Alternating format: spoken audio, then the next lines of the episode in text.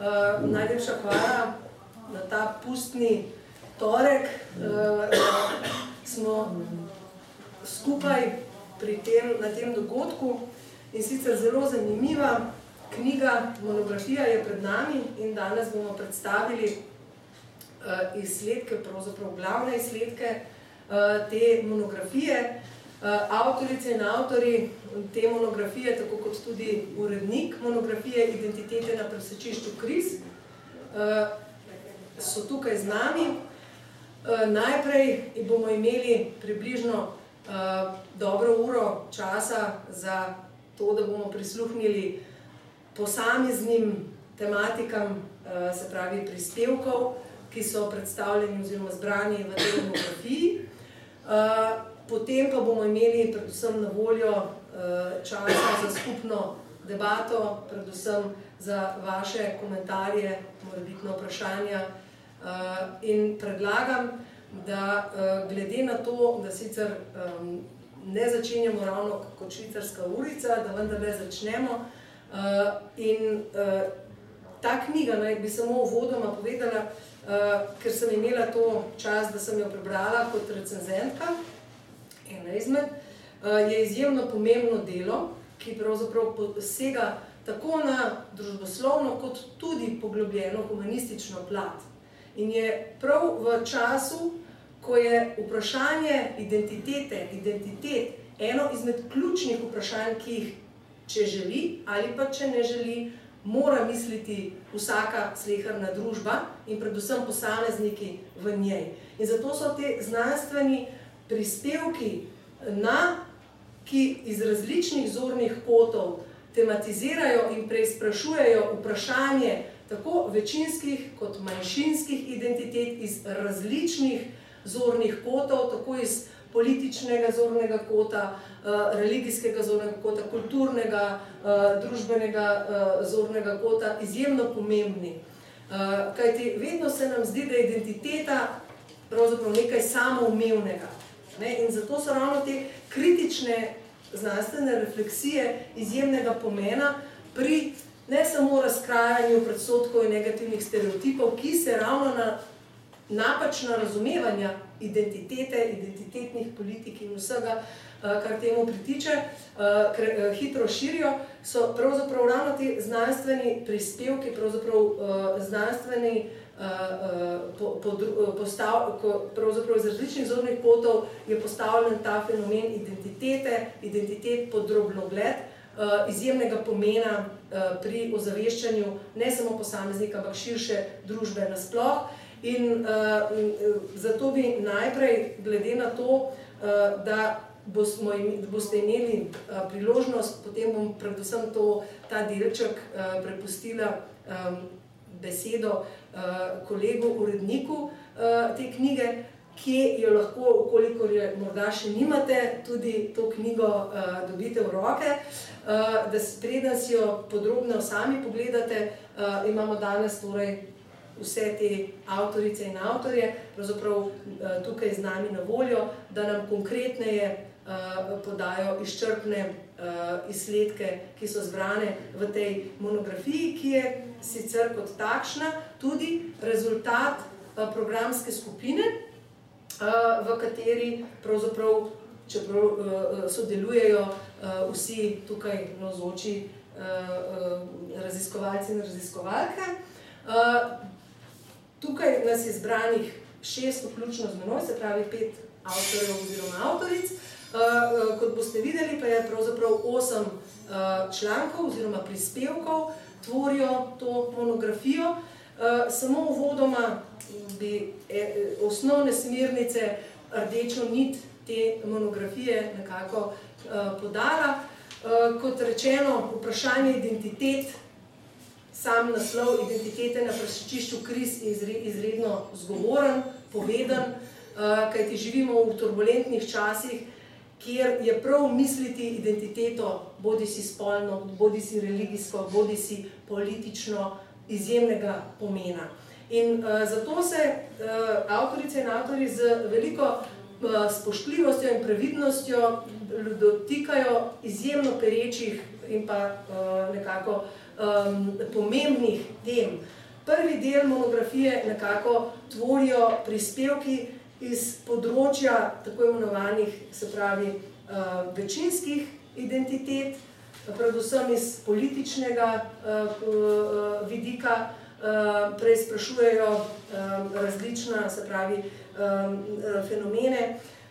Potem nekako drugi del potem se dotakne tako imenovanih vprašanja tako imenovanih manjšinskih identitet, predvsem tretji del pa naredi nadgradnjo v kontekstu nadaljevanja, ne, se pravi tudi manjšinske identitete v izrazito kulturnem kontekstu, predvsem v vplivu filma, potem tudi se pravi literature na samo oblikovanje identitete kot take.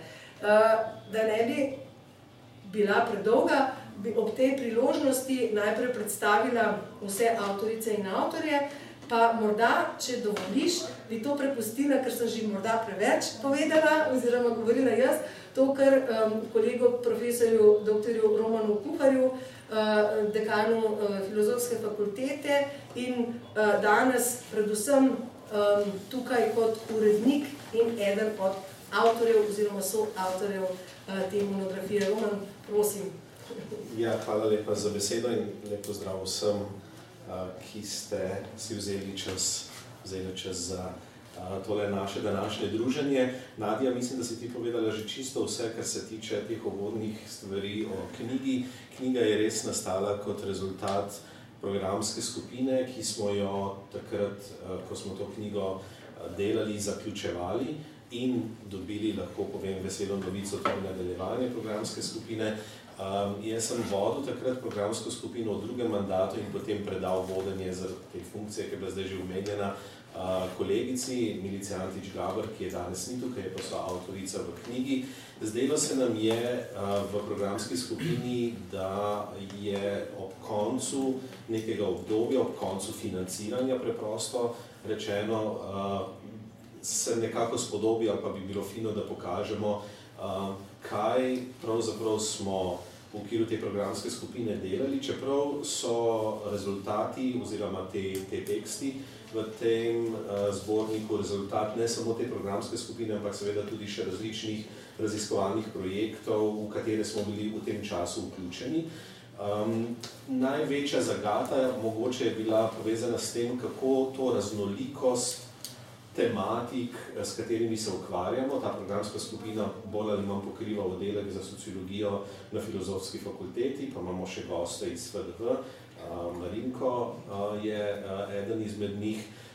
Kako to, te naše različne in metodološke, epistemološke, tematske pristope združiti pod eno streho. Tako da to, ta knjiga uh, je na nek način mozaična, po drugi strani uh, pa, ko smo govorili o tem, uh, o čem bi pisali, je zelo hitro ne, uh, prišlo na dan spoznanje, da je tematika identitet, tako kot si že uvodoma povedala, večinskih in manjšinskih, nekaj, kar nas druži, In druga stvar, ki nas druži in kar je tudi pravzaprav v imenu same programske skupine, je vprašanje globalizacije. Takrat, ko je nastala ta programska skupina, bila to pomembna sociološka tema, še vedno je.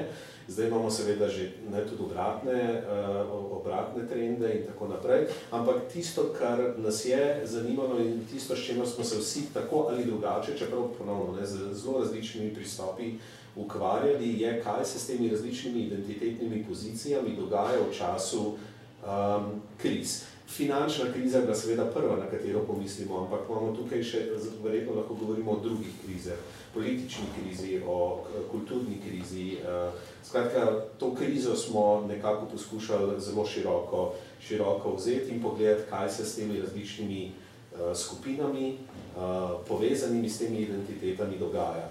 V marsičem je seveda to tudi analiza identitetnih politik teh različnih skupin, ki jih uh, v tej knjigi obravnavamo.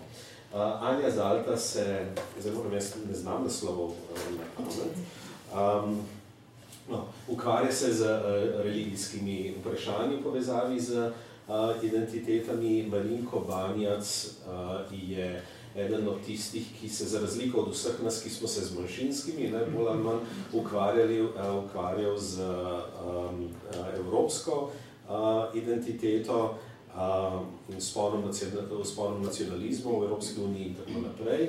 Uh, Tjaša Učakar uh, se ukvarja z uh, vprašanji izbrisanih in tujcev, tukaj gre za, za dve uh, skupini in predvsem spremlja ne, vse to dogajanje v povezavi z uh, zakonodajnimi poskusi zakonodajnih rešitev na tem področju. In uh, Ana je še Perkovič z še eno večinsko identiteto, ampak ne tako veliko kot evropsko, ne, z nacionalno identiteto uh, v času deglobalizacije. Uh, Drugače so pa v knjigi uh, drugi avtori, ki jih danes ni, iz zdravstvenih razlogov, ampak nihče nima koronavirusa. Uh, še Damjan Mandels, ki je napisal vodno besedilo in sicer o uh, globalizaciji uh, in socioloških uh, in politoloških uh, naslavljanjih te, te teme. Um, kot rečeno, Milica Antič-Gabar je so avtorica Eh, članka, ki so ga skupaj naredila glede identitetnih gibanj na področju politike in spolnosti v Sloveniji. Eh, Jože Vogelin se ukvarja z mediji, to je tako ali tako njegova rdeča nit, eh, kar se tiče um, um, njegovega znanstvenega in medijskega udejstvovanja in konkretno se tukaj ukvarja z vprašanjem reprezentacije in poročanja o različnih manjšinah. In kot je bilo rečeno, Ana Bogrinčič, Čepič in Polona Petek na koncu še konkretno z romanom Čefuri Raus in filmom Čefuri Raus in skozi uh, to optiko je odprto še vprašanje etničnih manjšin. Hvala. Uh, se pravi, jaz predlagam, da kar najprej povabimo, uh, sledimo, sledili bomo pravzaprav uh, sosledju tematik, ki so v knjigi po poglavjih zastopane, zato povabim pravzaprav morda tebe, če te lahko kritikam, se pravičujem, Ma, Marinko Banjac, prihajaš iz fakultete za družbene vede, kot rečeno, da v kratkem nekako osvetliš ta pomen, um, predvsem tega, kot naslov, naslovil si svoje poglavje, postkrizni vzpon nacionalizma v Evropski uniji in evropska identiteta, pogled razmerja skozi historično prizmo.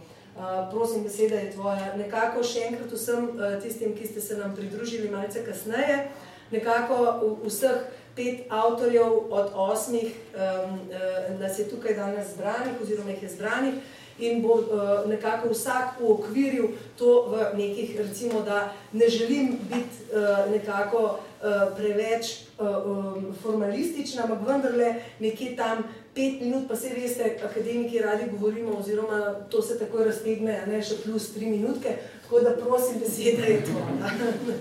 hvala za besedo, pa hvala tudi za odmerjen čas, da um, sem že imel pripravljen klišejski uvodni stavk, rečeš, da ne bom popolnoma jasno um, šel skozi celoten tekst, zato seveda preberite um, poglavje in celotno knjigo, uh, pa dovolj sklišej. No. Skratka, um, ja, jaz v bistvu se um, v svojem prispevku ukvarjam, kot rečeno, ne, z vprašanjem te dvojnosti, ki se zelo pogosto pojavlja ali pa v prevladujočih diskurzih pojavlja um, na tej naši stari celini. Na eni strani imamo jasno, zelo jasne vzpone grobih, da ne rečem, ne, agresivnih nacionalizmov, ki večinsko pravijo Evropska unija, hvala lepa, nasvidenje. Ne. Na drugi strani imamo pa kar precej med nevladniki, pa da ne bi jih izpostavili samo nevladniki, ampak skratka tudi v, v splošni populaciji se mi zdi, da je precej glasov, ki govori, kontra nacionalizmu je potrebno nastopati tako, ne, da v bistvu um, zahtevamo še več Evropske unije, še več Evrope.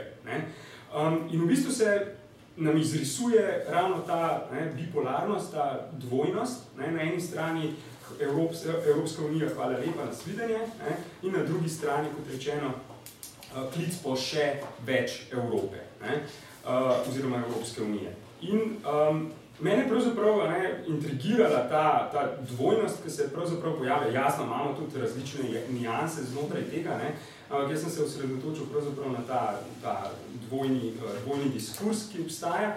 In um, skušal nekako motriti uh, to celotno zgodbo ali pa iti premisliti ne, skozi neko historično prizmo. Daleč od tega, da ne, če uporabljam Fukojevski, uh, Fukojevsko figuro, skratka, daleč od tega, da bi šlo za neko genealogijo, ne, za nek um, dosleden, zelo, zelo podroben uh, zgodovinski oris te dvojnosti, pa vendar ne sem hotel pravzaprav pogledati, um, kako je s tem razmerjem evropska identiteta, evropskost versus nacionalna identiteta, nacionalizmi skozi pač neko uh, historično prizmo.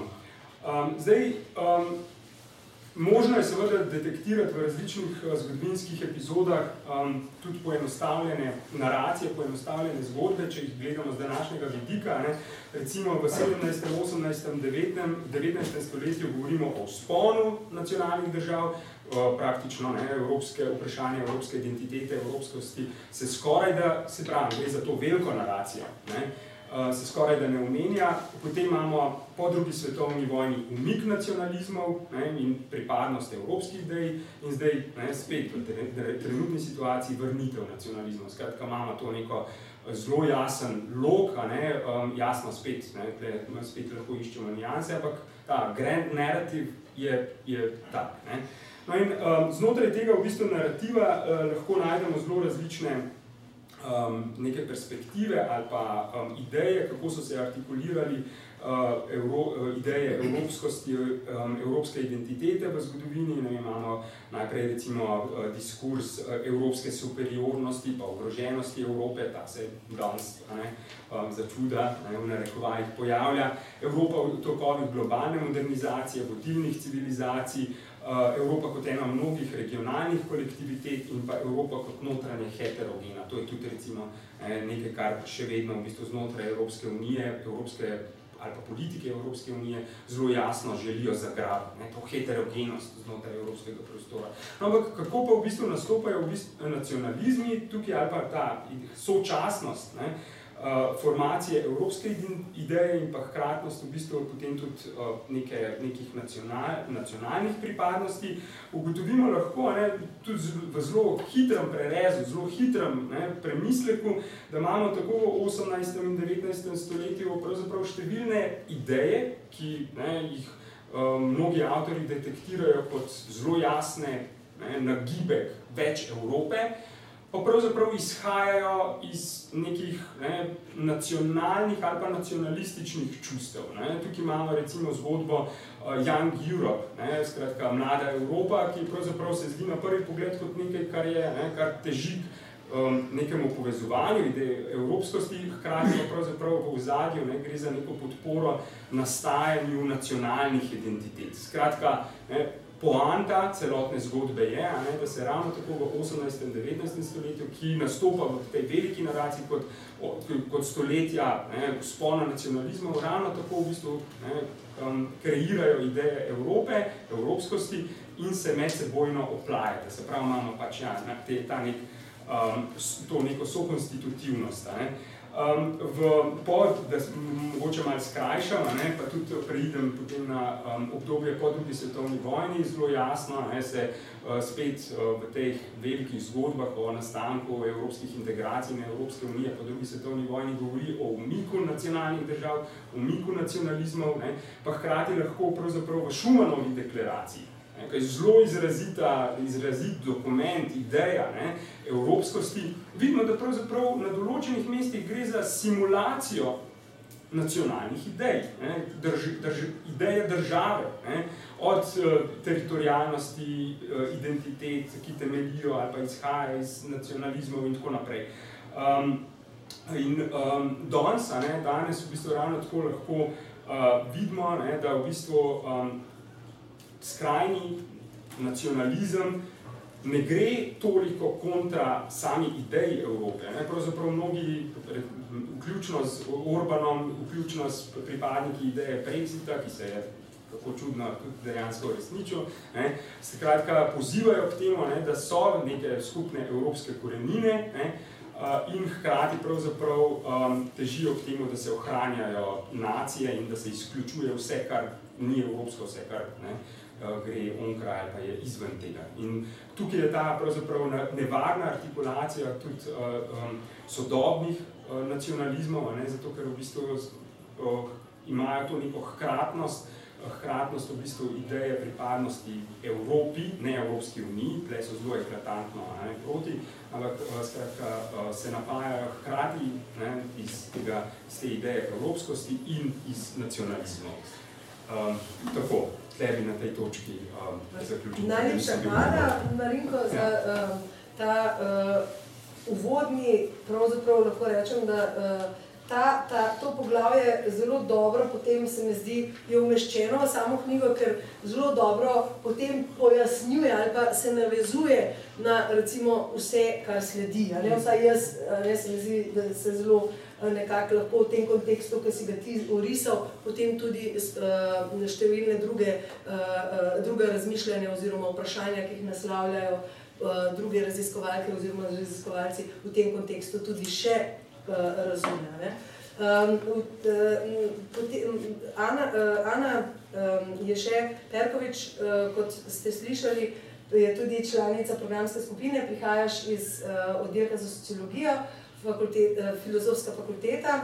Uh, predvsem se ukvarjaš tudi ti na nek način z, uh, z vprašanjem, uh, predvsem delno, ne, s političnimi diskurzi, lahko rečemo temu, ne, predvsem vprašanje uh, demokracije v različnih kontekstih, tako uh, družbenih kontekstih, uh, tako balkanskih kot evropskih. Ne. In v tem smislu se mi zdi uh, ta svoje poglavje si naslovila rekonstrukcija nacionalne identitete v času deglobalizacije. Uh, prosim, če lahko predvsem to, ker uh, romanci si uvodoma lepo že nakazal, ne, da je vprašanje samega fenomena globalizacije bilo eno izmed perečih vprašanj, ko se je konstituirala programska skupina ne, in da samo vprašanje globalizacije ima danes popolnoma drugačne razsežnosti, ne, kot jih je imele, imelo v preteklosti. In že sam, uh, samo uh, poglavje tvoje se mi zdi, da v bistvu odstira tudi uh, um, tančice tega, ne, kar si pravzaprav ti prej nakazal. Ana, prosim, besede je tvoje. Hvala. hvala.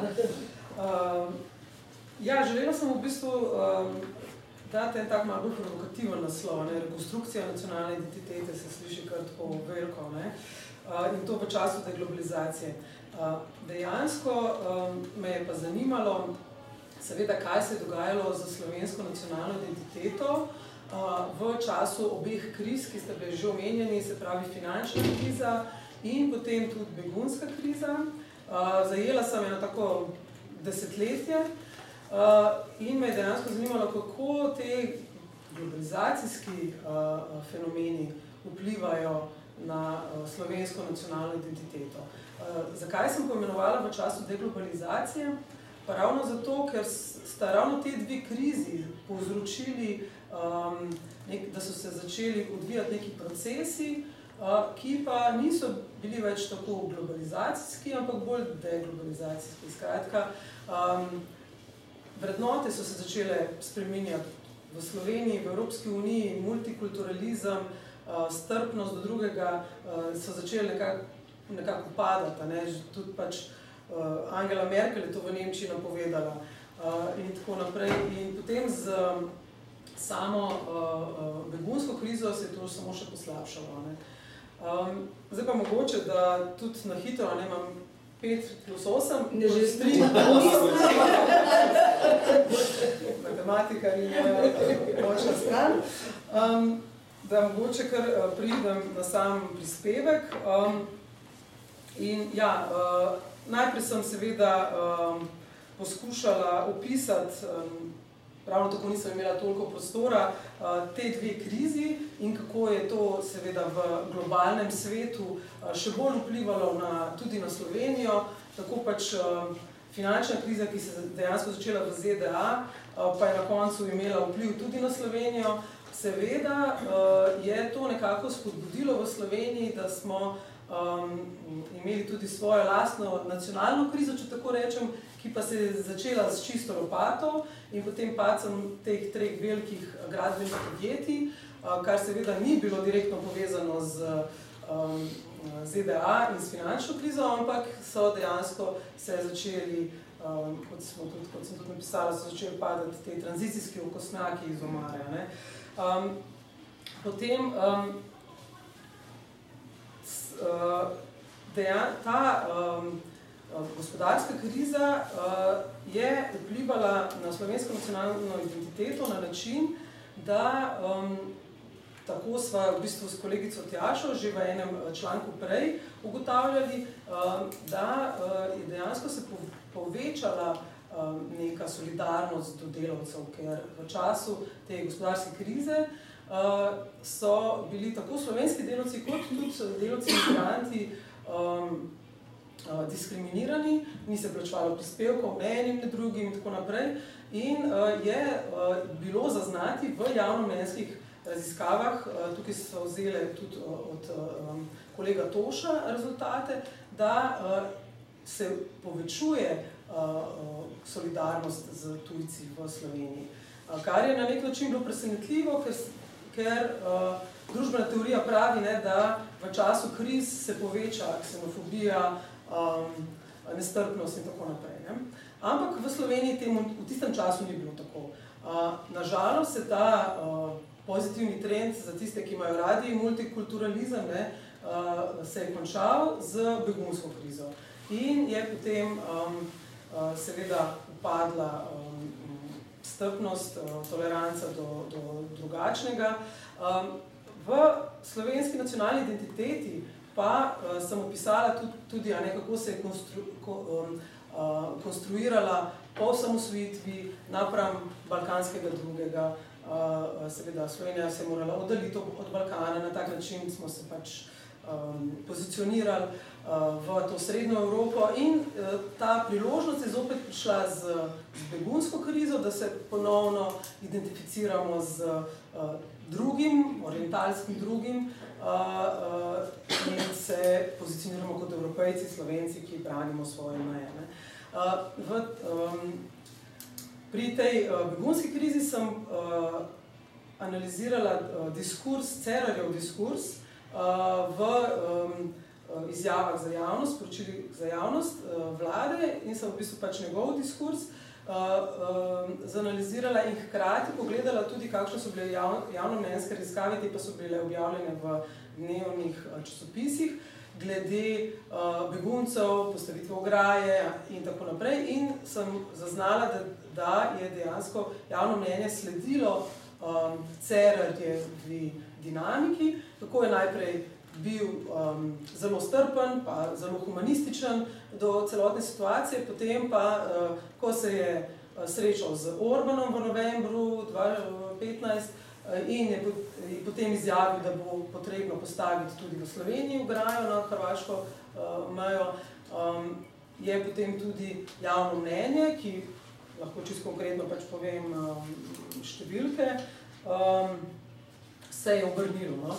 In sicer še v oktobru je bilo zelo strah ali pa strah ljudi ob prihodu beguncev na slovensko južno mejo 7 odstotkov, potem pa na februarja 2016 pa jih je bilo že 32 odstotkov.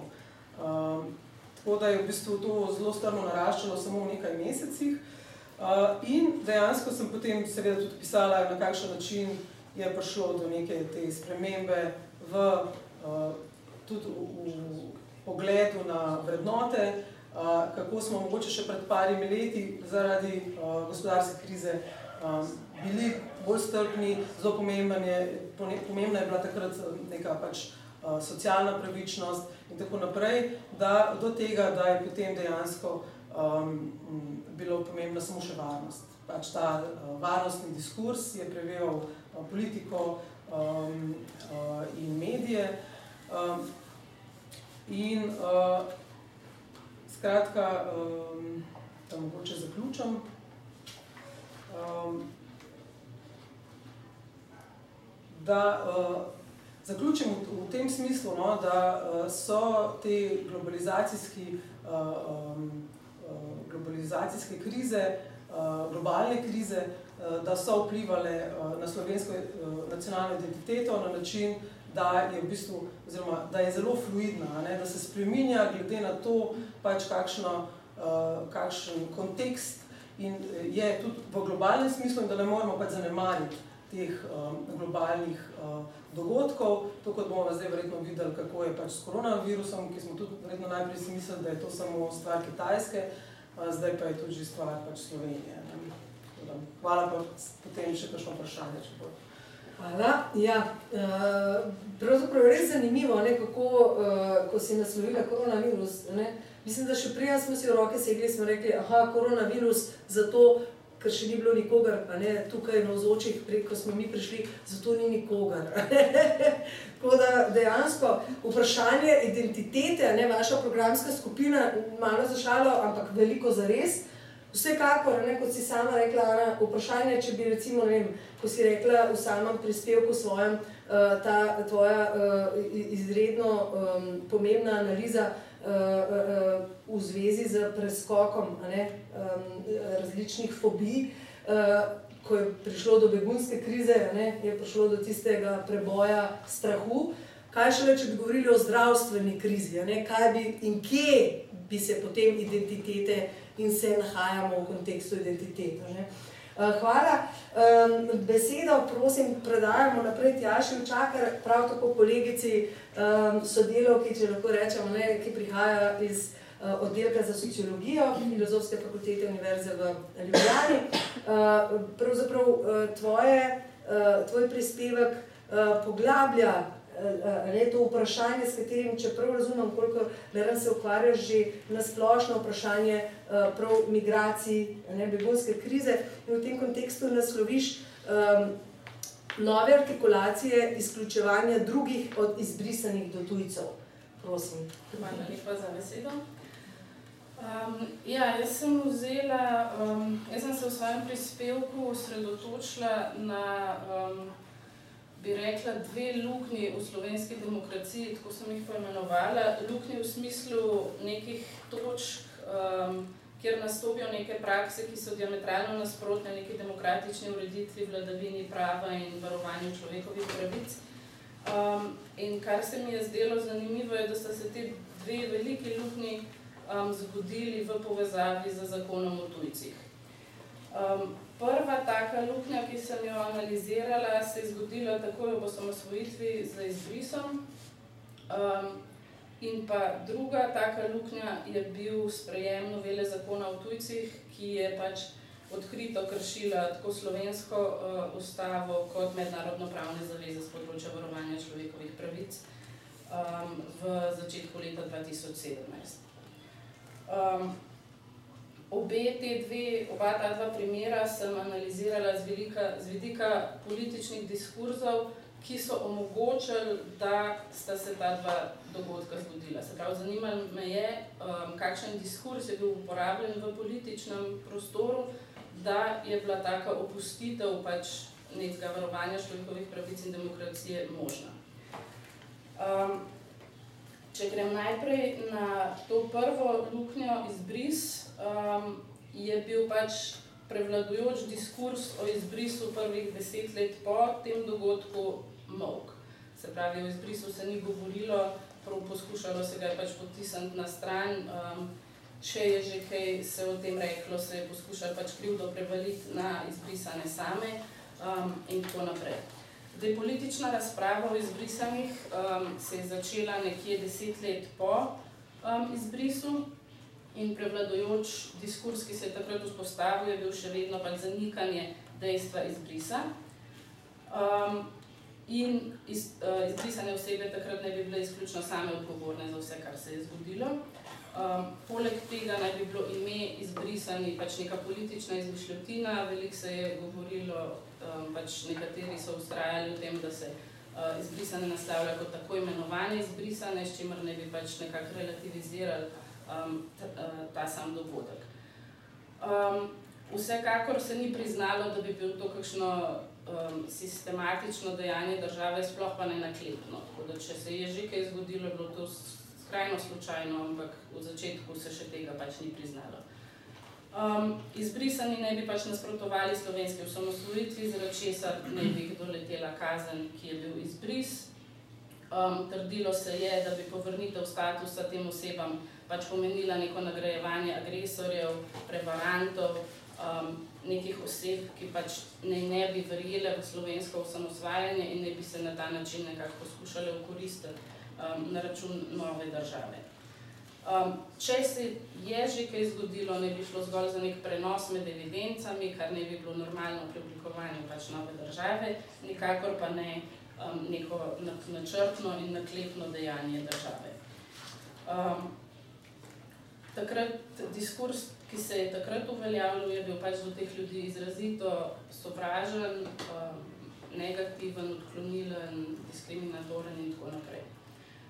Um, v kasnejših letih se je pač ta diskurs uh, počasi spremenjal in pač po, um, potem doživel nek um, preobrat, um, ko je bilo pač možno začeti se dejansko ukvarjati s, s temi problemi in dejansko tudi reševati potem na, na sodiščih in tako naprej. In je tudi um, v javnosti um, postalo pač normalno, da se danes pač govori o izbrisu kot o neki pač hudi kršitvi človekovih pravic, ki jo je pač slovenska država storila.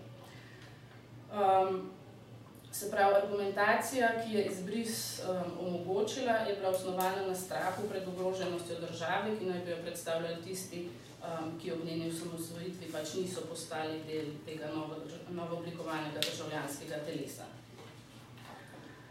Um, druga taka velika luknja v um, slovenski demokraciji pa um, je, bila, je bil sprejem te novele zakona o tujcih, um, ki se je začel z, v letu 2016, takrat je zakon o tujcih spet prišel pač v ospredje zanimanja kot posledica povečane migracije iz Bližnjega vzhoda, ki je bila v medijih pomenovana kot migrantska kriza. Um, takrat je v parlament pač po hitrem postopku prišel zakon, um, novela zakona o tujcih in jo je parlament tudi sprejel v januarju 2017. Um, čeprav je pač ta novela uh, temeljito odstopala od načel slovenske ustave in odkrito kršila nekatere ključne mednarodno pravne zaveze z področja varovanja človekovih pravic, Evropske konvencije o človekovih pravicah, listine Evropske unije o temeljnih pravicah in konvencije o otrokovih pravicah, se pravi neke mednarodne zavezujoče listine, ki jih je Slovenija um, podpisala. Zdaj, mene je zanimalo, kje so bile glavne tematske niti in neki diskurzivni elementi, ki so se v parlamentarnih razpravah pojavljali, ki so tlakovali pot in omogočali sprejem tako očitno takega zakona, ki je tako očitno nasprotoval slovenski ustavi um, in pač pravni in demokratični ureditvi, nekem usmeritvam um, slovenske države kot nekaj pač um, države, ki spoštuje človekove pravice.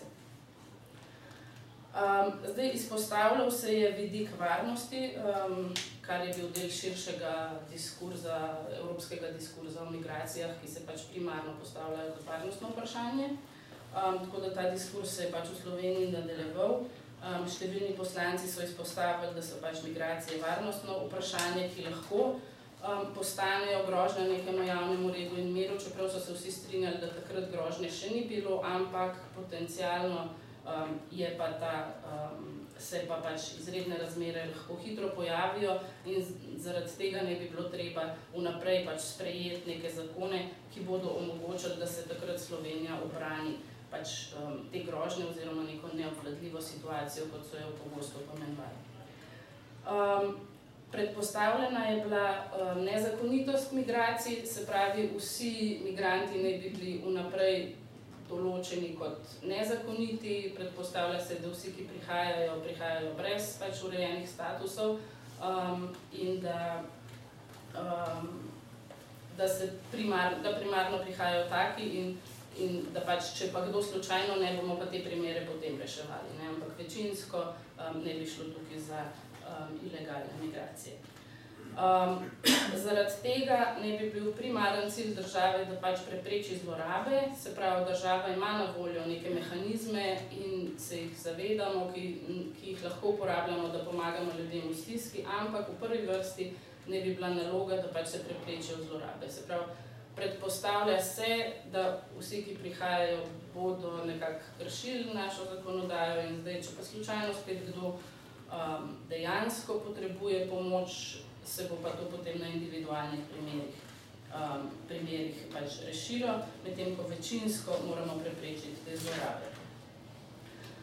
Um, se pravi, pomembno je, da argumentacija se niti ne ustavi na tej točki, ampak se nadaljuje v tem smislu, da je v interesu vseh, tako državljanov kot migrantov samih, da se pač te zlorabe preprečijo in da, se, um, da smo v bistvu primorani kršiti neke pravice v tej točki, zato da bomo lahko zagotovili pravice v naslednji, v naslednji točki. Se pravi, Um, govori se, da gre zgolj za nek preventivni zakon, nek zakon na zalogo, ki naj bi bil samo pač pripravljen v primeru nekih um, hujših, um, hujših situacij. Um, in čeprav mogoče ta zakon odstopa od nekih zavez in ne varuje človekovih pravic, um, bo pa, ne bi pa pač v kasnejši instanci um, omogočil, da bi se preprečile izredne razmere, kar bi potem omogočilo spet varovanje človekovih pravic, tako nas kot v končni fazi tudi um, migrantov. Um, se pravi, um, na očitke, da pač predlog novele krši um, Ženevsko konvencijo in druge mednarodno pravne dokumente, so pač so odgovarjali poslanci um, da so to neke mednarodne institucije, ki so že zastarele in da moramo iti pač v korak s časom in se odzivati na uh, aktualne um, krize, ki prihajajo. Um, pomembno je, da pač ta razprava o noveli zakona ni posegla po neki odkriti sovražnosti do tujcev, migrantov, beguncev, ki naj bi pač prihajali v Slovenijo, ampak je pa vzpostavila ostro ločnico med nami in njimi. Kot da um, je izhajala iz neke usiljene izbire, ali bomo varovali človekove pravice nas ali njih. Se pravi, kot da ni možno upoštevati človekovih pravic obojih. Um, um, ključno je, da se pač uh, uporablja, to je tudi pač prenešeno tudi iz um, evropskega diskurza o migracijah, um, ki prevladuje, um, da se diskurs pač spreminja iz nekega vojaškega diskurza, ki je prevladoval vem, v 90-ih letih, ko so se uporabljale besede nadzor, boj proti migracijam, preprečevanje, zaščita in tako naprej. So danes te besede veliko bolj tehnične, um, bolj mehke, govori se o upravljanju, o nekih um, katastrofah. Uporabljajo se besede pod naravnim katastrofam, se pravi neki valovi migrantov, uh, migrantov in tako naprej. Um, se pa pač ta vojaški diskurs, ne odkrito vojaški, ki prevladoval, pač umika temu bolj menedžerskemu, upravljalskemu diskurzu, um, tako pač na evropski ravni kot v slovenski um, politiki.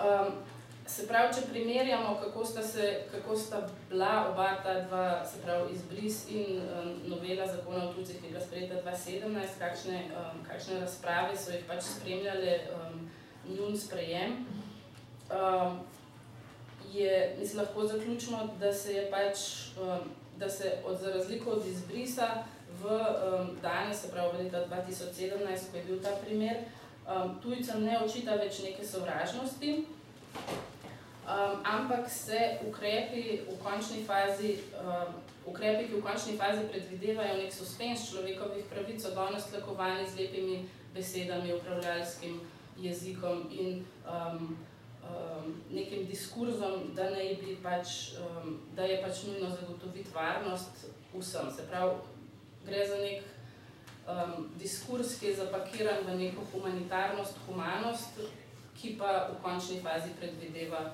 um, ukrepe s hudimi posledicami. Um, čeprav, čeprav se torej argumentacija um, odmika od neke odkrite sovražnosti, ne, um, je po mojem mnenju ključ, da pač ohranja to neko temeljno ločnico in nam usiljuje pač stalno to ločnico mi oni. Ne, tako kot neko, um, kot neko neizbežnost, um, neko družbeno stanje, na katerega moramo pristati in se potem odločiti, za koga se bomo zdaj odločali, a nekomu bomo te pravice bolj varovali. Um, Zato se mi zdi pač ključno um, v takih primerih še naprej pač upozarjati na to usiljenost izbire med našimi njihovimi pravicami, ker v končni fazi um, pač to vodi v nižanje demokratičnih standardov za vse. Najlepša hvala, Jaša. Uh, glede na to, da so pravzaprav, kot ste lahko, smo lahko do sedaj slišali, so prav vsa vprašanja, ki jih avtorice in avtori naslavljajo v tej pričujoči monografiji, uh, izredno subtilne narave. Ne? To so tiste, tiste vprašanja, kjer se ponavadi v, na širšem, tako političnem, kot tudi družbenem parketu, uh, neti ogenj. Zato so prav uh, vprašanja manjšinske identitete, ne, seveda uh, vključno z večinsko identiteto, skozi prizmo te subtilne znanstvene doslednosti, ki se jo poslužujejo vsi avtori in avtorice v tej monografiji, ključna. In predvsem uh, uh, vprašanje kategorije spola, politike spola, predvsem seksualnosti v Sloveniji je v teh turbulentnih časih uh, retradicionalizacije izjemnega pomena. Ne? Zato so glasovi uh, avtorice, uh, doktorice uh, Milice Antič-Gaber in uh, so avtorja Romana Kuharja, uh, ki sta ena, oba, pravzaprav izjemna tvorca ali pa lahko rečem gradnika enakosti spolov v slovenski znanstveni in širše družbeni sferi. Uh, izjemnega pomena, prosim, Roman, če lahko uh, ti predstaviš skupno, uh, skupno delo. Naslovila sta um, samo poglavje identitetna gibanja in politike spola in seksualnosti v Sloveniji. Ja, hvala lepa še enkrat za besedo. Ti gradniki, o katerih si Eh, govorila in gradnice jih je več, to je vedno kolektivno delo, nikoli delo posameznika ali posameznice. Res je, z Milico sem se odločila, da v tem članku, ki je mimo grede na en prvi in edini skupni članek, čeprav vse čas uh, nekako tičiva skupaj, tudi fizično v istem kabinetu uh, in se s podobnimi temami ukvarjava, da v tem članku nekako združiva to, s čimer se vsak od naju tako ali drugače ukvarja, spol in spolnost, dve tematiki, ki se uh, tesno prepletata in tudi uh, ta zgodovinska uh, perspektiva, ki sva jo postavila v izhodišče najnega članka, namreč naredila nek prerez nad aktivističnimi boji pravzaprav za um, človekove pravice, najbolj široko rečeno na teh dveh področjih, pokaže, da sta tako feministično gibanje kot LGBT gibanje na nek način zgodovinsko gledano, če govorimo o kontekstu Slovenije ali pa mogoče celo v določenem delu bivše Jugoslavije, drug, drug drugega omogočala. Absolutno feministično gibanje pred LGBT gibanje, ampak feministično gibanje je uh, pogosto LGBT gibanje vzelo pod svoje okrilje, uh, mu odpiralo pot za, za uh, različne tematike, ki pa so seveda pove, vedno se vežejo nazaj tudi na spol.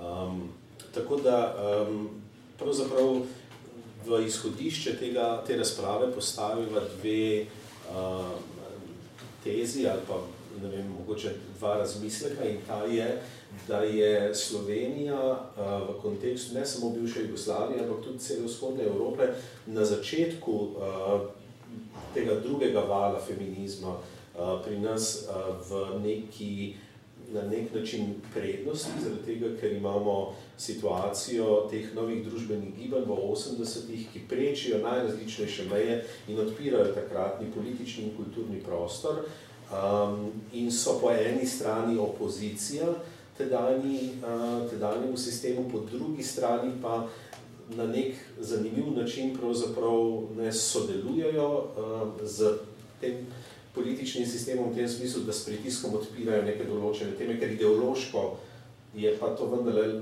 ne bila um, leva politika, ne, ni šlo za, za, ta, za ta ideološka razhajanja.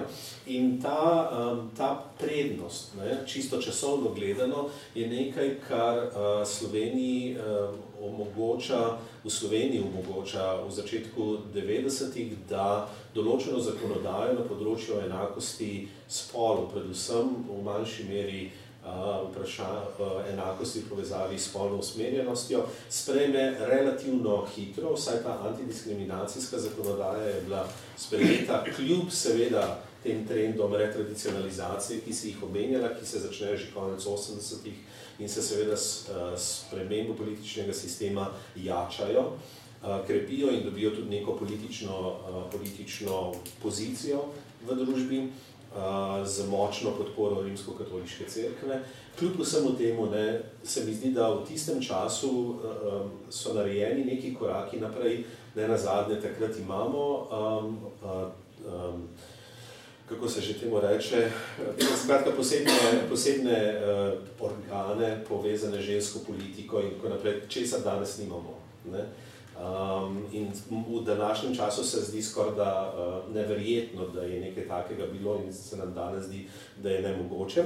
Po drugi strani, um, in tudi ko smo uh, ne, s pristopom k Evropski uniji in z implementacijo najrazličnejših direktiv na tem področju, se je pogosto pokazalo, da je slovenska zakonodaja pravzaprav naprednejša od tega, kar so evropske direktive uh, predvidevale.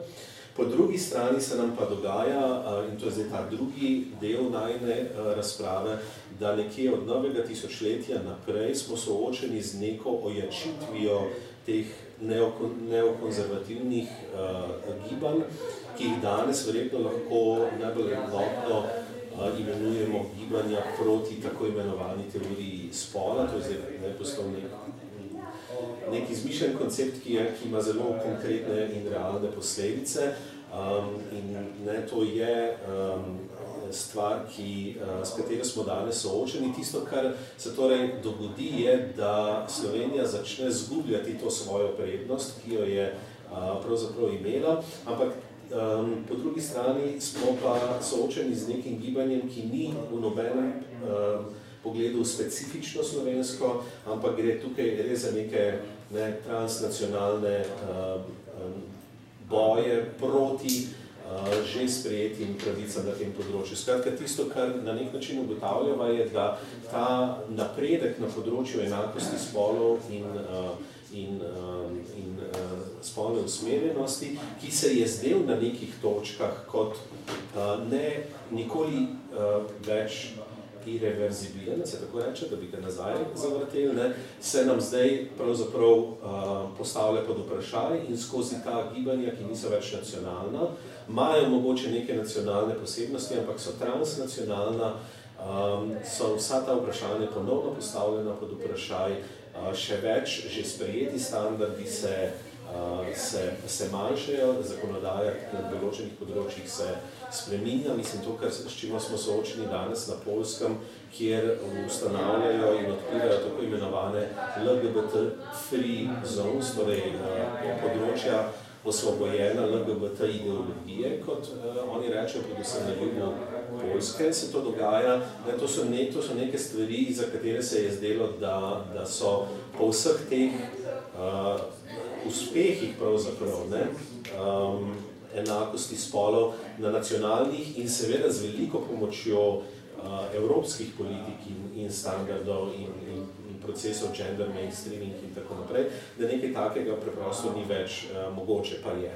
Tako da v zadnjem delu se ukvarjava predvsem s tem gibanjem uh, uh, proti teoriji spola, s tem sem se sam uh, nekoliko več ukvarjal z analizo teh gibanj, pa z načinom delovanja, strategijami, ki jih uporablja to gibanje. Zanimivo je to, kar je Tjaša omenila, ne, sprememba v diskurzu oziroma sprememba v jeziku, kjer ne, Tjaša rekla, da, da se danes uporabljajo bolj, bolj mehki pristopi, ne, ampak v ozadju so pa neke izključevalne politike. Tudi tukaj, tisto, kar je zanimivo, je, da se dogaja, da je ta diskurs ni nekaj, bi lahko, kar bi lahko tako zelo enostavno zagrabil v tem smislu, da je ne, zelo jasno iz 19. stoletja ali pa nekaj podobnega, ampak ne, predstavlja se kot, kot en zdravo razumski, kot middle of the road, Um, izhodišče je, da je enak, da mi tako ali tako seveda smo za enakost, ampak ta enakost je že dosežena in tisto, kar zdaj ti želijo, in tukaj imamo verjetno isto zgodbo z stujci, z migranti in tako naprej, je neka posebne dodatne pravice, posebna obravnava ne, in um, na vzven zveni stvar kot ne, razumska in, in, in na te točke se ta populizem pravzaprav lepi. V enem umestnem delu, to sem pozabil omeniti, pa govoriva tudi o tem, kako se uh, to ta nova družbena gibanja v 80-ih, predvsem seveda na področju feminizma in LGBT gibanja v 90-ih seveda začne institucionalizirati in proti koncu 90-ih vstopa tudi v akademski prostor. Bistveno naprej seveda spet feminizem kot LGBT, ampak prav ta vstop v akademski prostor je, se mi zdi, pomembna faza v boju za, za, za, za uh, to enakost je tudi misel te boje, je nekako se vzpostavi nek, nek dialog med aktivizmom in, in uh, akademskim raziskovanjem, en drugega ojačujeta. Po drugi strani pa zanimivo, da ta uh, gibanje proti teoriji spola kot prvo točko uh, napada identificirajo akademske elite, vsaj v Sloveniji. Ne? Kar je ne zaradi tega, ker se je zdelo, da je to žarišče, odkot, odkot prihajajo neki skrivni plani ukinjanja spola in, in tako naprej. In tako naprej. Skratka, tukaj se nama je, ne, pravzaprav naj, najna zgodba nima happy enda. Ne, začne se relativno pozitivno, ampak ima pravzaprav zelo ne happy end trenutno.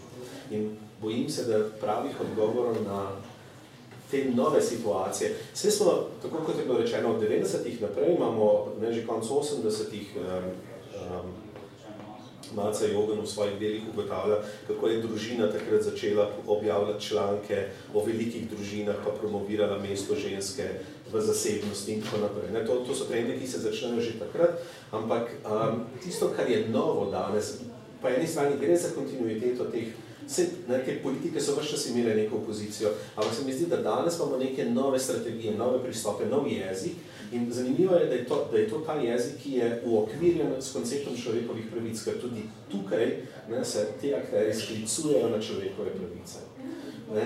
Mogoče še nimamo fenomena, ki, ki mu v zahodnem svetu rečejo homonacionalizem homo, ali pa fem, feminacionalizem, kar pomeni, da se ti sklicuješ na pravice žensk v neki družbi proti, mus, proti muslimanom, proti uh, migrantom, ne? ker če bomo te sprejeli, ki, ki ne dopuščajo, potem ne, bodo pravice LGBT skupnosti ogrožene, uh, ampak ne, seveda, tako kot je tudi Jaša rekla, ne, ne, da ne smemo pristati na, ta, na, ta, na to dvojnost, ki se prikazuje kot izbor, e, moraš izbrati eno ali drugo.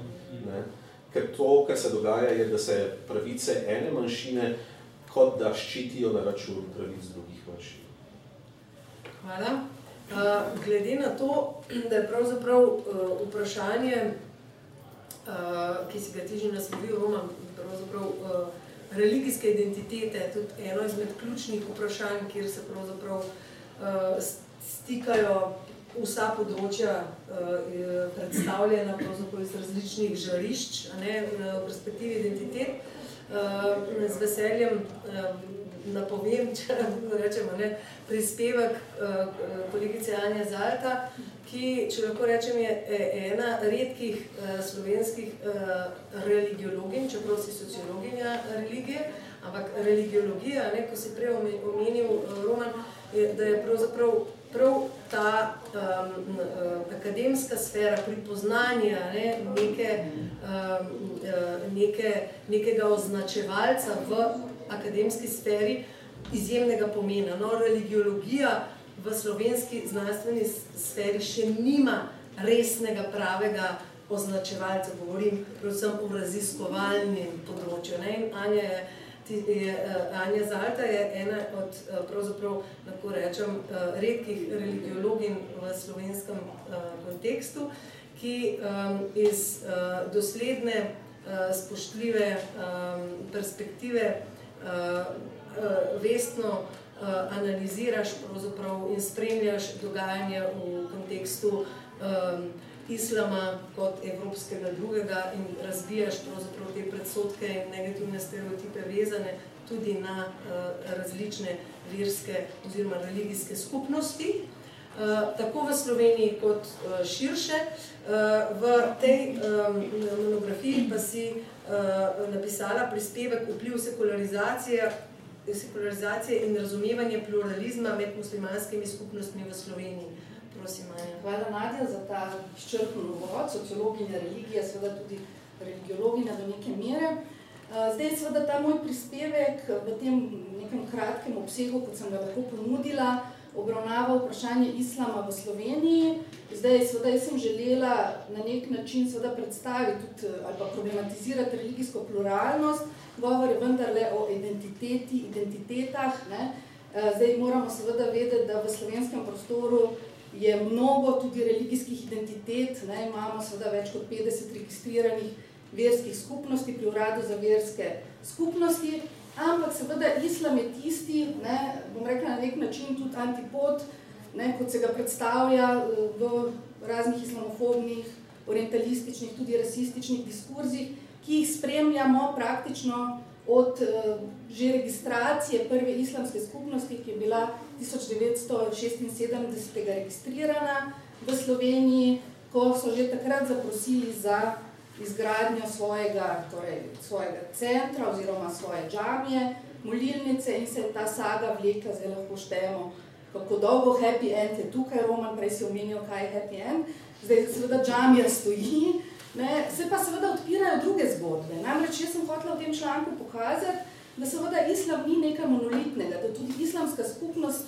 nima in ne more imeti primata nad ne samo torej interpretacijami, organizacijo in tako dalje, islamskih naukov, eh, dogajanj in ne, vse, kar k temu sodi, pokazala sem, da seveda nastajajo trenja ne samo med družbo, če se lahko tako izrazim, kot ne, nekim tvorcem in tisto, ki problematizira islam kot evropsko oziroma slovensko religijo, ne, eh, in na drugi strani pa seveda tudi trenja in Eh, konflikti, ki nastanejo znotraj muslimanskih skupnosti v Sloveniji. Vendar le, kar pokažem, skušam pokazati tudi na podlagi pogovorov z predstavniki različnih eh, islamskih skupnosti v Sloveniji, dve sta registrirani, islamska in muslimanska verska skupnost, ne, ki sta nastajali, oziroma prva torej islamska skupnost in druga muslimanska, slovenska muslimanska skupnost kot eh, reakcija na kot oni pravijo, neko nacionalizacijo eh, islamske skupnosti, preveliko povezavo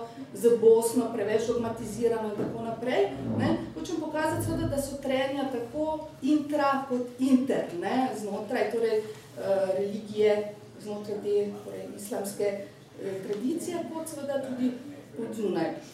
Zdaj v samem, v samem torej, članku, kot sem rekla, pač to, kot je obseg dopuščal, pokažem ne, na raznolikost torej, muslimanskih svetov, neporabne mednine, ne, obstajajo torej, sociopolitične kompleksni pojavi, sociokulturni dejavnik, ekonomski, eh, politični, torej, ki vplivajo na formiranje muslimanskih identitet.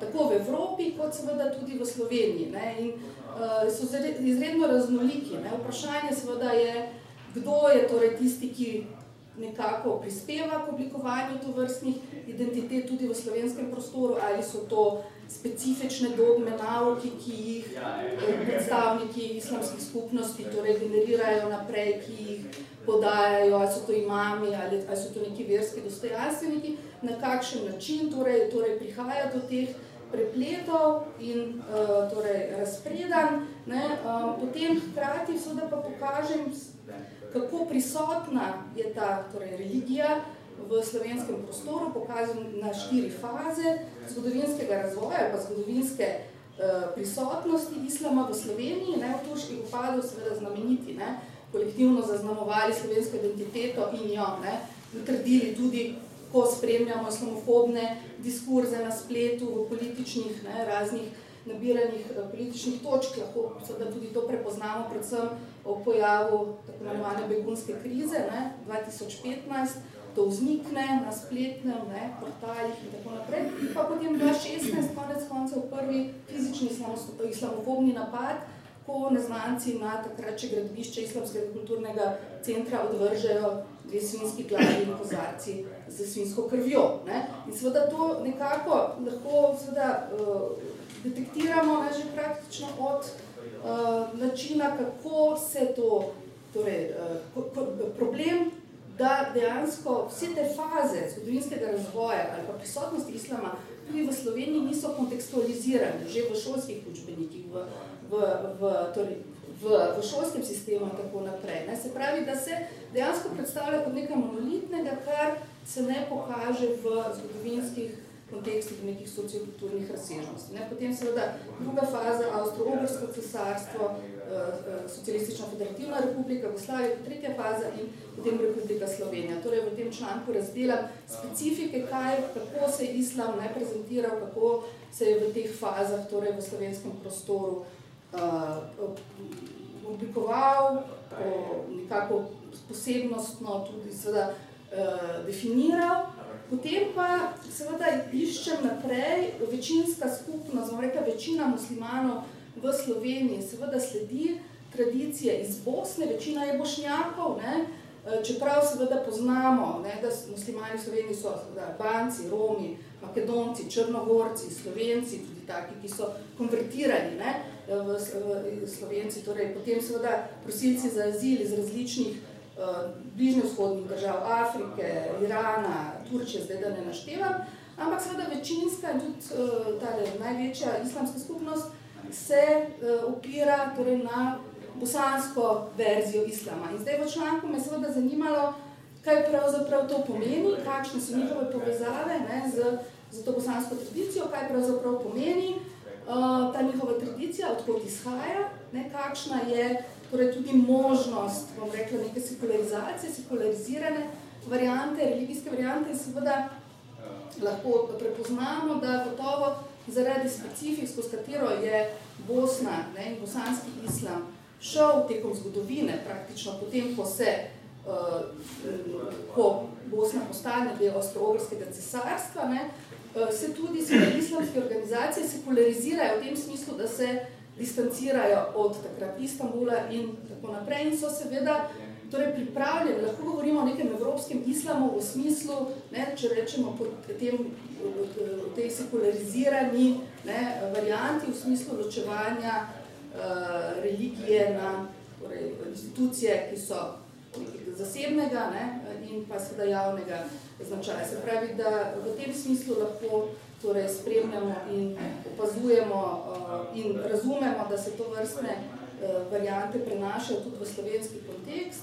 Um, da je torej bosanski islam tisti, ki zagovarja uh, inter, tako imenovani ičtihad, to je stara tradicija muslimanska neodvisne interpretacije, se pravi filozofskih šol, ki ne, lahko diskutirajo, preoblikujejo, dvomijo in tako naprej, ne pa da dogmatično sledijo nekim pravnim, rigidnim šolam in zato seveda je to polje odprto ne, za različne možnosti Eh, tudi seveda za, za različne uh, vplive uh, oziroma za različne modele sobivanja v tem smislu. Ne.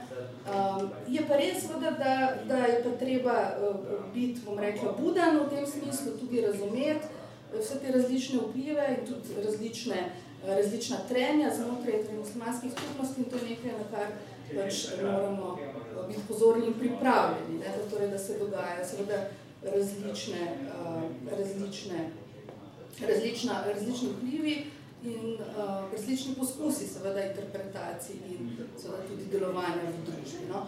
Skratka, s tem svojim člankom, kot sem uh, že povedala, je, uh, pač se mi zdi ključno, da odgovorim na to, da seveda te eno, enostavni, stereotipni zaključki, ne, slikanja nekega spopada civilizacij ne vzdržijo, ne, da treba se da bistveno širše globje. Povedati ni to apologija islamske skupnosti, nikakor ne, so da pokaže na probleme in organizacije, in institucionalizacije, in navezanosti na Bosno, kar se tiče finančno, uh, kar se tiče tudi seveda uh, teh idej, ne, ki jih je treba vendarle v, tudi v slovenskem kontekstu dopolnjevati, sooblikovati in tako naprej.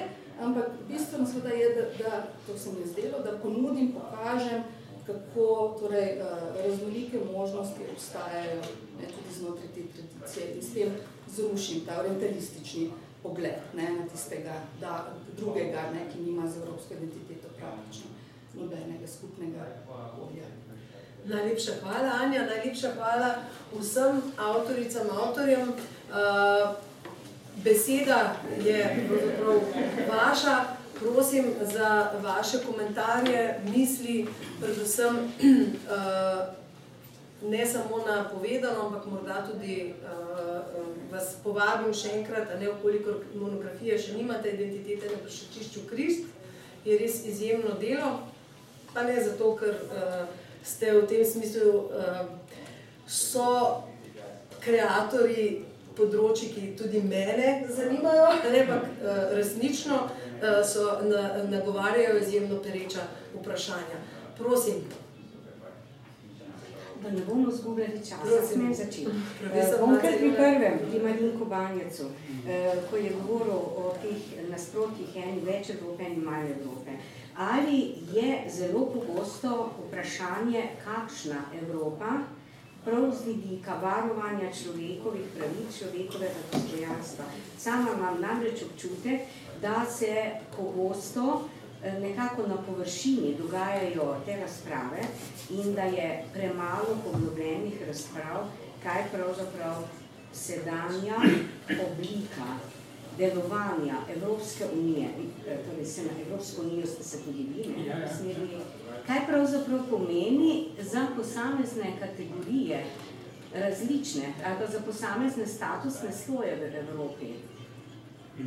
Zaradi tega, mimo grede, ker ko smo ustanovili Evropsko sociološko asociacijo, je že na prvi Evropski sociološki konferenci 92. leta, torej zdaj bo malo 30 let, na, torej na, tej na tej konferenci je zelo izpadlo vprašanje nacionalne ogroženosti identitete, ampak to ne s strani eh, drugih, ampak s strani nekaterih zahodnih držav, kjer je bil že takrat relativno velik priliv eh, tuje kulturnih eh, skupin. In zdaj, zakaj to omenjam? Zaradi tega, ker me zanima, ali je diferenci, upoštevanje diferencirane možnosti distanciranja do morebitnih negativnih učinkov tujih kulturnih vzorcev, povezano s tem tudi, kako teorija to obravnava. Namreč zakaj gre?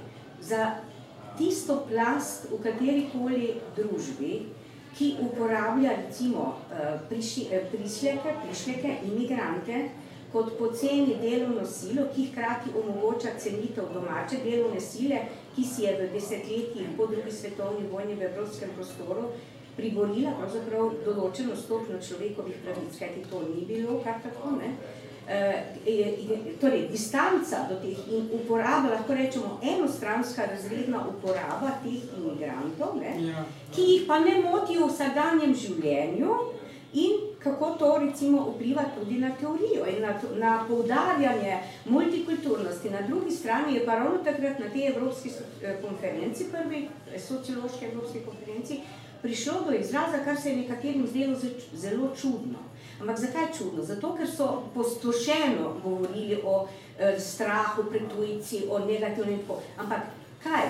Sociologi, ki so raziskovali empirično, so prišli v stik eh, s tistimi plastmi prebivalstva, ki pa niso imeli eh, v vsakdanjem življenju recimo takšnih možnosti prvič ne izkoriščanja tujcev, ki so bili sočutni, hkrati so pa ob sočutnosti pogosto tudi trpeli zaradi relativno dokaj različnih navad. Tako, to so sociološko zelo resna vprašanja. Jaz sem zdaj prišla pravzaprav iz tega splošnega, kakšna Evropa, na, to, na ta konkreten primer, Kajti vprašanje je, z katerega vidika ali pa z kakšnega razrednega, bom pa čisto konkretno rekla, z kakšnega razrednega stališča in izhodišča se analizira, se pojasnjuje in se razširja znanje o Evropski uniji. Kot skupnosti, ne samo kot formalni demokratični naddržavni tvoj. Uh, hvala, hvala za vprašanje, sicer zelo um, kompleksno tudi. Ne? Pa je možno seveda, um, so možni razmisleki v, v različne um, smeri. Zdaj, jaz bi se mogoče osredotočil no, na vprašanje, ne, na kakšen način, ali boste najprej pobrali ne, različne vprašanje? Ne, jaz sem se boljše odgovarjati s prostih drugače. Ja, ja. um, sem to, da ja, se ne urinem, pa ne vskočem takoj v, v um, razpravo. Skratka, ja, um, jaz bi se mogoče osredotočil ne, na um, samo um, na, na prevladujoč, mogoče tudi medijski diskurs, ki se vzpostavlja glede te dvojnosti. A ne? Um, jaz mislim, da v bistvu um, se zelo pogosto ne, v bistvu vzpostavlja ta dvojnost ali ne, nič Evropske unije ali pa uh, čim več ne, evropskosti in tudi um, krepitev Evropske unije na drugi strani. Um, gre pravzaprav za ne, fenomen ali pa ne, neko, nek proces, uh, ki ustvarja to bipolarnost, hkrati Ne? Pa se ravno v bistvu zaradi tega, ker se ohranja to na površinski ravni, ne detektira, ne problematizira to vrstnih vprašanj, a ne to vrstnih pravzaprav konkretnih materializacij, ne, ne na zadnje v bistvu, um, ali pa efektov, ne, ki jih imajo um, to vrstne uh, razprave, ali pa ne na zadnje v bistvu tudi utišanja, ki, ki, ki jih uh, lahko uh, um, zasledimo v, v medijih. Skratka, ne, na eni strani imamo v bistvu na površini zelo jasno to dvojnost, ki pa um, ne kaže ali pa ne vzpostavlja ne, poglobljenega, natančnejšega razumevanja, kakšne efekte imajo uh, lahko um, to, vrstni, to vrstne razprave. Ne. Um, zdaj, kar se tiče pravzaprav ne, tudi uporabe uh, izrazov, um, kot so, ne, se spomnim enega poslanca, ki, uh, ki je v, v Evropskem parlamentu, ki je v Brexitu, britanskega sicer, ne, ki je v Brexitu rekel, um, ne nas narobe razumeti, mi ljubimo Evropo, sovražimo pa Evropsko unijo. Ne. Skratka, ne, v, v to vrstnih um, idejah ali pa razpravah se mi zdi zelo pomembno, ne, da zasledimo nekaj, kar um, uh, je prisotno v tem smislu, da um, se poslanci ali pa um, zagovorniki ohranjanja nacionalizmov in nacionalnih meja ali pa vračanja v nacionalne meje, ne, uh, skratka, um, ohranjajo, je to, da um, oh, um, ohranjajo idejo nacionalizma zato, da se kot da zaščiti ne, prebivalstvo znotraj meja držav. Ne. Skratka, gre za um, zaščito človekovih pravic, varnosti in tako naprej, to, kar je pravzaprav tudi Tjaša naslavljala. Ne. V imenu tega se ne, ohranjajo pač ti izključujoči diskurzi, na drugi strani pa ne, se pozablja pravzaprav, da se na ta način uh, izključuje, zanemarja in tako naprej, um, um, da se pojavljajo ksenofobije in tako naprej um, glede drugih populacij, ki so ravno tako prisotne že v Evropski uniji. Ne? In v bistvu s to prek te uh, polarnosti ali pa prek te dvojnosti, ki se izrisuje, ne, uh, je možno pravzaprav ugotavljati, da um, imamo vedno um, tudi elemente ali pa dele ne, um, družbe, pa ne samo razrede, ne, ampak tudi v bistvu druge heterogene dele družbe, ki so pravzaprav izključeni ne, in um, na ta način pravzaprav um, ja, um, ne samo utišanje, ampak zreduciranje včasih tudi na golo življenje. Ne, in, in, in ravno to je tisto, kar bi bilo potrebno um, ne vem, nekako uh, obrniti pozornost na to, pa tudi uh, jasno um, še bolj ne, izrazito, če gledamo z vidika akademskega, akademskih razprav, še bolj um, nekako svetliti. Hvala. Še kakšno vprašanje, komentar? Ja, jaz imam še, če smem. Prosim. Eh, pri eh, Petkovič, Ani, eh, sem si napisala vprašanje, ali ste v zvezi s spremembami upoštevali, ko je potem bilo več strpnosti, ste rekli tako naprej, ali ste upoštevali tudi tako imenovane intervenirajoče variable, konkretno organizirano delovanje sindikatov in mogoče kakšnih drugih formalnih in neformalnih skupin, ki so se pojavljale, ko je bilo bolj ali manj znano, kaj se dogaja. Ali ste to tudi spremljali v tem uh, svojem, jaz še namreč nisem prebrala, ker smo danes ja, šli ja. na predstavitev. Samo vprašanje to, če raziskovanje. V času gospodarske krize to mislite? Ja, ko ste vi ja. rekli, da je prišlo pozneje, tam do leta 2009, je prišlo do strpne, eh, po gospodarski, gospodarska kriza je povečala, povečala se je solidarnost, do, delo, do delavcev, do delojemalcev, torej da ni bilo več to diskriminacije in to, ne, ker ste prej na indikatorju prispevkov to omenjali. Uh, zdaj me zanima, če ste uh, širše v okoliščine raziskovalno pozornost usmerili. Ne, toliko širše ne, ker dejansko ni, uh, uh, niti ni prostora bilo, ampak uh, nisem vsega povedala. Ne.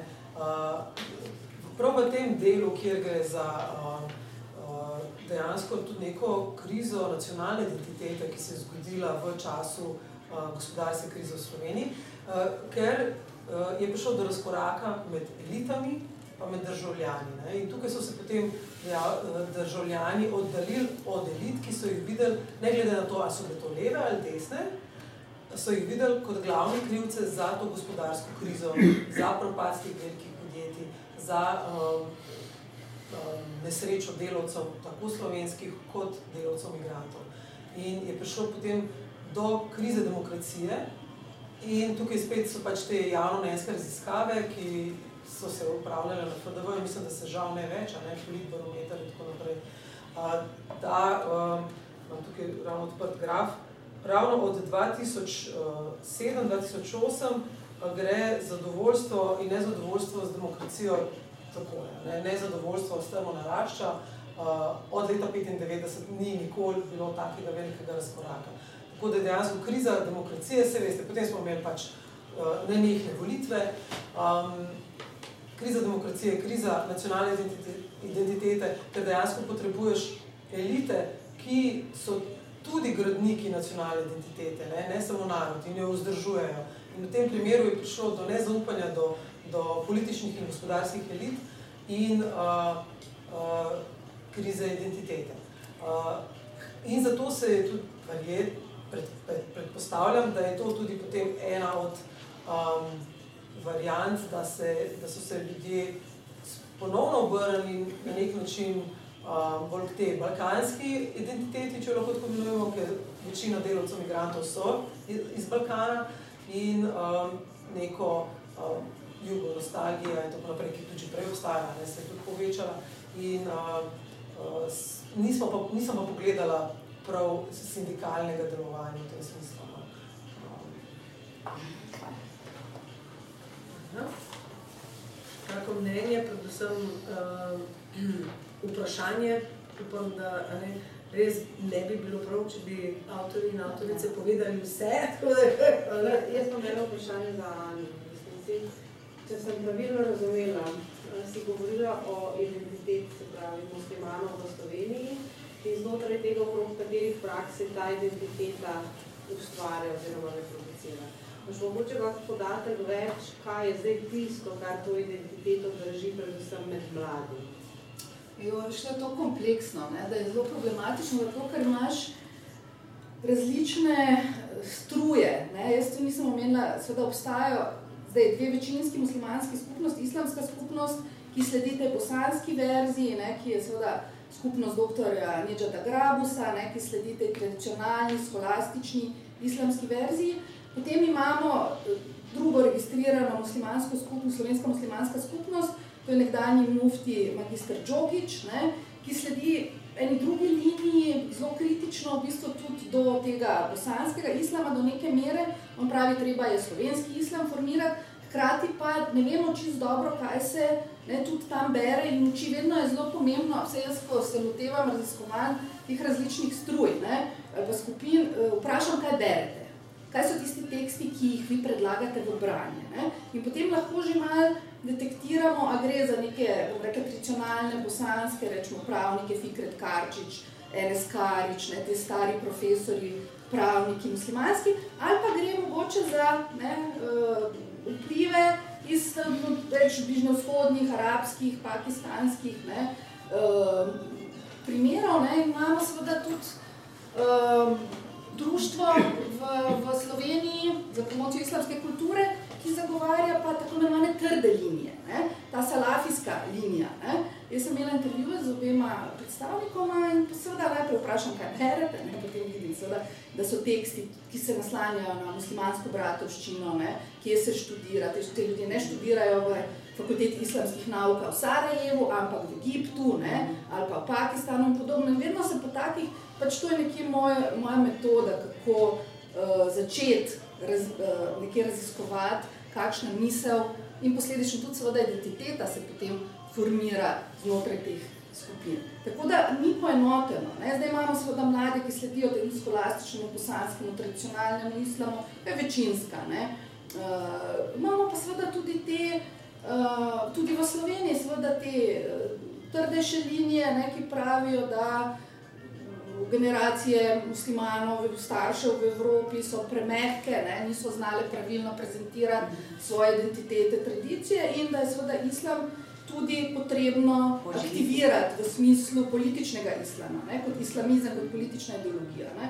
E, to je seveda v sponu tudi v Evropi, ne, so skupine seveda in tudi v Sloveniji imamo neke, ne, ne rabimo zdaj nobene panike zagnati, nikakor ne mislimo o tem, ampak seveda moramo pa razumeti, da to obstaja in da so te ki seveda vidijo in želijo ne, razum, torej islam kot neko politično silo, ne samo kot religijo v smislu tega našega ne, eh, pojmovanja, religija, čas, zasebna sfera ali nek družinski krok, ne, ampak politika, ki, torej, religija, ki vstopi na politični patent tudi ta zadeva je prisotna. Bi smela v zvezi z islamom samo vprašati, eh, katera skupina oziroma smer v Sloveniji pa dobiva največje dotacije iz različnih znanih trgov, finančno močnih? Če je to, če je to, ja.